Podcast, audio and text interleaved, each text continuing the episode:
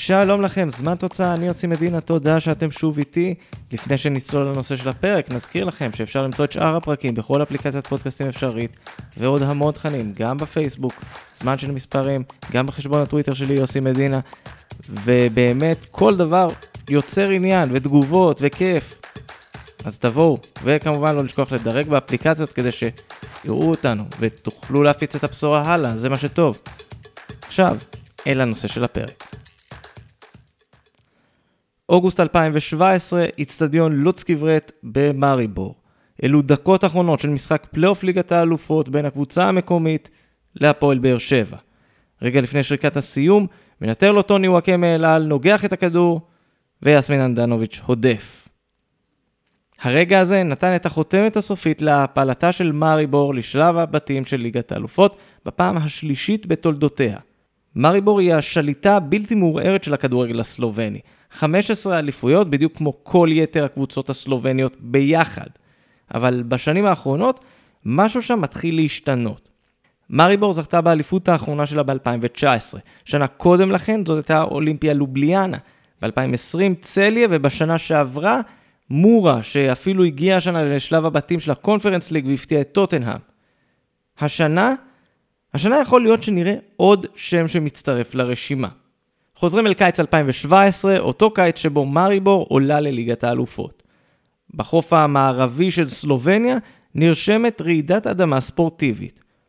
קופר, שב-2010 זכתה באליפות מאוד מפתיעה, איבדה את האישור שלה לשחק בליגה הראשונה.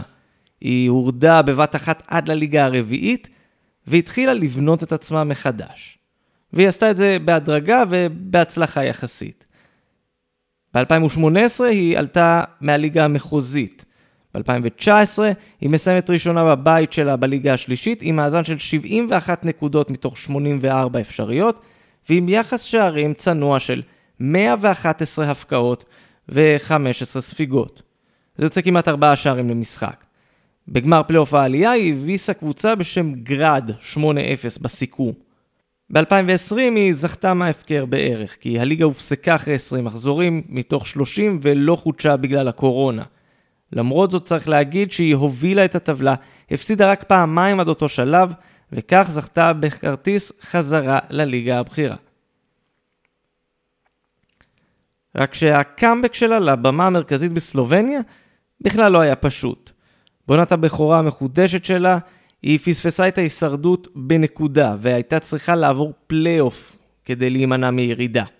בסוף חודש מאי 2021, בדיוק לפני שנה, היא פגשה את נובומסטו למפגש כפול נגד הירידה. המשחק הראשון בנובומסטו הסתיים בניצחון 2-0 לקופר, אבל הוא אפילו לא רמז מה הולך לקרות בגומלין. עד המחצית, נובו מסטו כבר מחקה את הפיגור, ובדקה 62 היא הייתה ביתרון 3-0 ו-3-2 בסיכום שני המשחקים. כשיש שערי חוץ על הפרק, קופר הייתה צריכה להבקיע פעמיים כדי להימנע מירידה. בדקה 74 היא צימקה ל-3-1, ובדקה 84 הבלם הקרואטי בעל השם הקליט, איוון יליץ' בלטה, כבש את השני. 4-3 לקופר בסיכום, היא נשארת בליגה. תזכרו את המשחק הזה, כי הוא עוד הולך לחזור אלינו עוד מעט, ועכשיו נשאיר אותו בצד, כי כל זה אפילו לא היה רמז למה שיקרה העונה בקבוצה הזו. קופר פתחה את העונה בטירוף, באמת טירוף. שמונה מחזורים, שבעה ניצחונות תיקו אחד, היא תפסה יתרון של תשע נקודות בפסגת הטבלה. ואז לאט לאט דברים התחילו להתיישר. פה הפסד, שם תיקו, עיבודי נקודות הפכו לתכופים הרבה יותר. במחזור ה-24 היא אירחה בבית את מאריבור, האלופה הנצחית, והפסידה לה 2-1. מאריבור כבר תפסה יתרון של 6 נקודות בפסגה. אבל דיברנו על זה, זו עונה לא שגרתית של קופר. מאז אותו הפסד, קופר שוב חזרה להיות בלתי ניתנת לעצירה. עשרה מחזורים, שבעה ניצחונות, שלוש תוצאות תיקו, אפס הפסדים. לפני שבועיים היא שוב פגשה את מאריבור והפעם סיימה מולה באחת אחת. קרב האליפות נראה כאילו פתוח מחדש אבל לא באמת.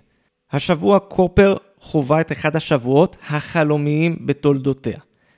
בסוף השבוע היא ניצחה 1-0 את טאבור ובמקביל מאריבור הפסידה לקבוצה בשם בראבו, מה שהקפיץ את קופר חזרה אל המקום הראשון בטבלה לראשונה מאז פברואר. באמצע השבוע היא פגשה את בראבו, אותה הקבוצה שניצחה את מאריבור, בגמר הגביע הסלובני. זה נגמר בניצחון 3-1. זכייה בגביע, תואר ראשון מאז הנפילה לליגה הרביעית. וצריך להגיד, אין בקבוצה שמות גדולים. זה כל כך בולט ששניים משחקני ההרכב שלה הם שחקנים שעשו סיבוב בארץ וזה לא היה מוצלח במיוחד. קרלו ברוצ'יץ' ששיחק במ"ס אשדוד ובדאו סוג'י ששיחק בהפועל רעננה. הכובש המצטיין של העונה, מקס ברישיץ', הוא בן 27, הוא כבש העונה 13 שערים. בעונה שעברה היו לו רק שני שערים. בשאר הקריירה, כולה, עד גיל 26, הוא שיחק בעיקר בליגה השלישית באיטליה, וכבש 14 שערים. בעונה אחת הוא עושה מה שהוא עשה פחות או יותר בשמונה שנים קודם לכן. זהו.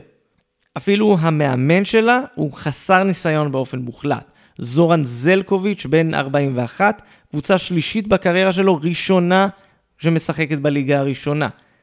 מה ההישג השיא שלו עד היום? בעונה שעברה, הוא הוביל קבוצה לפלייאוף העלייה מהליגה השנייה. כן, הוא אימן את נובו מסטו בפלייאוף ההוא שדיברנו עליו, שבו היא הפסידה לקופר בדקות הסיום. משם הוא חצה את הקווים בקיץ.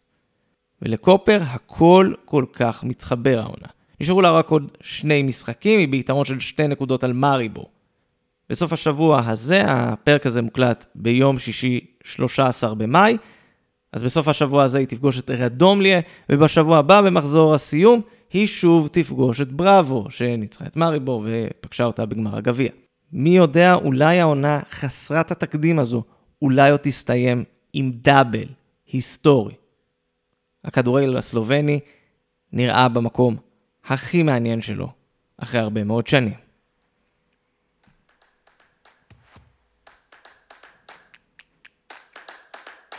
אז זה היה עוד פרק של זמן תוצאה. אני עושה מדינה, תודה לכם שהאזנתם. כאמור, אנחנו בכל אפליקציית פודקאסטים אפשרית.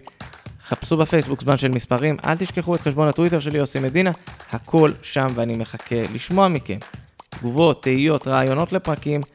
הבמה שלכם היא לגמרי פתוחה ובאמת אתם שולחים ושולחים ושולחים. אפילו זה רעיון שקיבלתי מאחד העוקבים המסורים של הפודקאסט. יהיו עוד פרקים. אני קצת, ראיתם, שיחקנו קצת עם הימים. שבוע הבא אנחנו נחזור לשני וחמישי. אבל מיום חמישי הבא מתחיל איזושהי סדרה מעניינת. פה, בזמן תוצאה. אז חכו לזה. עד הפרק הבא, ביי בינתיים.